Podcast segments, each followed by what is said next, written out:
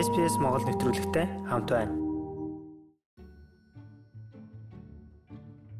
Сайн байцгаана уу ихэм сонсогчдоо. Та бүхэнтэйгээ шинэ оны анхны оршин суух хөтөж болгонгаараа мэдчилж байна. Энэ 100 хур бороо ихтэй байх таамагтай холбоотойгоор бид урьдчилан сэргийлэх зорилгоор суврал контент хүргэж байгаа билээ. Энэ удаад үер усны аюулын талаар дахин онцолж байна. Цагуур судлалын төвшөөний урьдчилсан мэдээгээр Ла Ниня байгалийн үзэгдлийн улмаас бид илүү чихтэй зуныг өнгөрүүлэх тооцоотой байна. Тодорхойлбол Австралийн зүүн хэсгээр дунджаас илүү хэмжээний хурд унтс буухаар байна. 1900 оноос хойш Австрали улсад тохиолсон 18 удаагийн Ла Ниня үзэгдлийн 12 удаад нь ямар нэгэн байдлаар үерийн гавшиг тохиож байжээ. Энэ зууны хувьд Ла Ниня байгалийн үзэгдэл дунджаас дээш төвшөнд хамгаалах бөгөөд 12 эсвэл 1 сард дээцэгтэй өрх хүлээлттэй байгаагаа цагуур судлалын төвчөөний ахлах цагуурч доктор Эндрю Ваткинс хэлсэн юм. Энэхүү үзэгдлийн үеэр орон даяар хурд тундас илүүтэй унах бөгөөд баруун зүгийн халуун бүсээр өдрийн цагт агаарын хэм доогуур байх төдийгүй хар салхи гарах тоо маш ихээр нэмэгдэг гин. Тэгэхээр энэ зүүн дундаж болон дунджаас дээш тооны хар салхи гарна гэдэг нь хүмүүс аль сарын өмнөөс бэлтгэлээ базаах хэрэгтэй гэсэн үг юм. Австралийн альч бүсэд хизээл бол хизээ үер бууж болно гэдгийг Викторийн мужийн онцгой байдлын газрын гүйцэтгэх захирлын орлогч Дэвид Бейкер хэлж байлаа. Их хэмжээний адар борооны улмаас гинти үер тохиож болзошгүй. Машин зам болон бусад хэсгээр маш хурдан шалбагдагдаж байгааг бид харж байгаа. Энэ зам бүрч их байх болно. Австралийн зөв өмнөд хэсгээр хурд тундас ихээр унах магадaltaй байна. Гэвч Ланинягийн талаар мэдлэг хомс байдгийн улмаас австралчууд үерийн гамшигт хангалттай хэмжээнд бэлдэж чаддаггүй болохыг Альянсын судалгаанаас харж болох гин. Тус байгууллагын улсын хэмжээний өргөдөл хариуцсан менежер Марк О'Коннор дараах тайлбарыг өгсөн юм. Хамгийн сүүлд 2010-аас 2012 оны хооронд Ла Ниня тохиолсон. Энэ үед болсон үеэр хөрсний нуралт дээцэгтэй үрсэн байдаг. Өнгөрсөн жил Австралийн өрхүүд шуурга үерийн улмаас нийт 2.4 тэрбум долларын хөврөл амсан харамсалтай юм. Иймд хүн бүрийг бэлтгэлээ базаахыг хүсэж байна. Судалгаа сайн хийж ямар нөхцөлтэй даатгал авч байгаагаа мэдэх хэрэгтэй. Үер болох үед юу хийх ёстой талаар мэддэг болох хэрэгтэй бөгөөд орон нутгийнхаа тусламжийн үйлчилгээний талаар болон тэдэнтэй холбогдох дугаар урьдчилаад мэдсэн байх хэрэгтэй гэдгийг O'Connor зөвлөж байна. Хуршүүдтэйгээ эсвэл орон нутгийн зөвлөл, онцгой байдлын албатайгаа ярьж гамшиг дохиож болзошгүй бүсэд амьдарч байгаа эсгээ мэдэх замаар эрсдлийн үнэлэх хэрэгтэй. Жил бүр даатгалын нөхцлөө дахин шалгаж байна. Өрхийн онцгой байдлын төлөвлөгөө гаргаж, гэр бүлийнхээ бүх гишүүнд танилцуулсан байх хэрэгтэй. Мөн зөөврийн цэнэглэгч, хүнс, усны нөөцөө хангаж, анхан шатны тусламжийн хэрэгсэлтэй болох хэрэгтэй.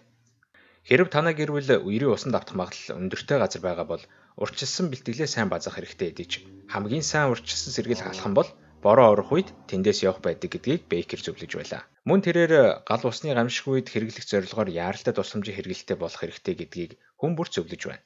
Гамшиг үед гэрээ хэрхэн бэлтэх талаарх мэдээллийг хүн бүр орон нутгийнхаа онцгой байдлын албаны захимуудаас авах боломжтой гэнэ.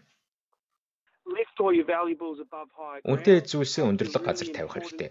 Хамгийн хэрэгтэй бишиг баримтууд үнтэй зүйлсээ баглаж аваад үер асуудал болохоос өртөж явхад бэлэн машинда гэр бүлэрээ сууж байх хэрэгтэй. Мөн үер болж магадгүй гэж тооцоож байгаа бол бохирын болон ус зайлуулах системээ урьдчилаад бэлдэж байхыг мөн Бейкер зөвлөсөн юм.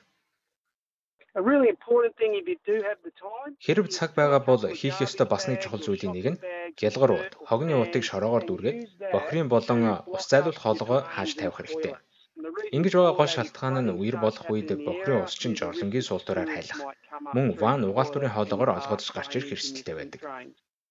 Үүнээс гадна гинти үер маш хурдан будаг учраас адар бороо асгарч байх үед гүйхэн ус гатлахгүй байхыг анхааруулж байна. Хэрэв маш ширүүн адар бороотой таарвал аюулгүй эсвэл өндөрлөг газар гарц зогсохыг Бейкер зөвлөж байна.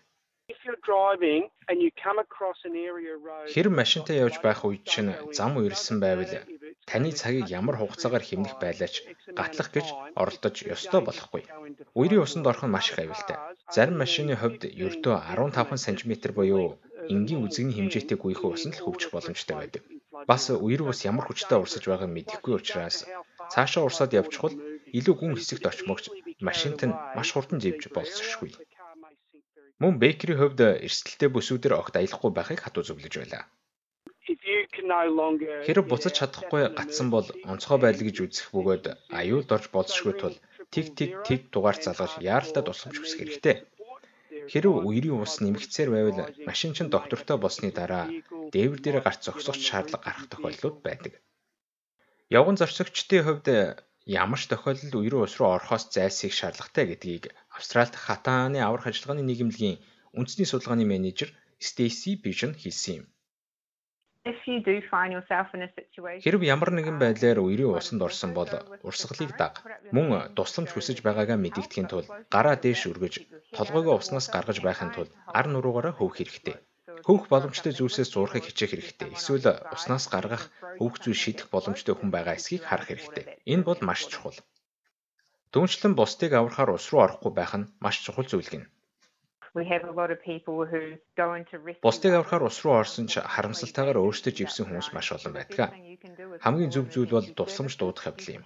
Мөн та живж буй хүнийг усны түвшнээс дээш балгаж чадах байц төвдөг зүйл шийдэж өгөх хэрэгтэй. Хэрэг байдаг бол усны хавтан, эсвэл бөмбөг ч юм эсвэл зөөврийн мөсний сав зэрэг хөвөх боломжтой зүйлсийг шийдэж өгөх хэрэгтэй. Үерийн үед авах шаардлагатай арга хэмжээний талаар илүү дэлгэрэнгүй мэдээлэл авахыг хүсвэл мужийнхаа онцгой байдлын алба Эсвэл хатааны аврах ажиллагааны Австрали дахь захин хуудасаар зочлоорой. Харин хамгийн сүүлийн үеийн цаг агарын урьдчилсан сэргийлэх мэдээлэл авахыг хүсвэл цагуур судлалын товчооны захин хуудас тандна. Хэрв таны аймнаас аюулын ирмэг дээр байгаа бол нэн даруй тэг тэг тэг дугаар залгана. Хэрв танд орчуулгын тал дээр тусламж хэрэгтэй бол 13 14 50 дугаар залгаж өөрт тохирох агентлагтай холбогдох боломжтой. Apple Podcast дээр манай нэвтрүүлэгт үнэлгээ өгнө үү? Энэ манай нэвтрүүлгийг хайж олоход бусдад бас туслах юм.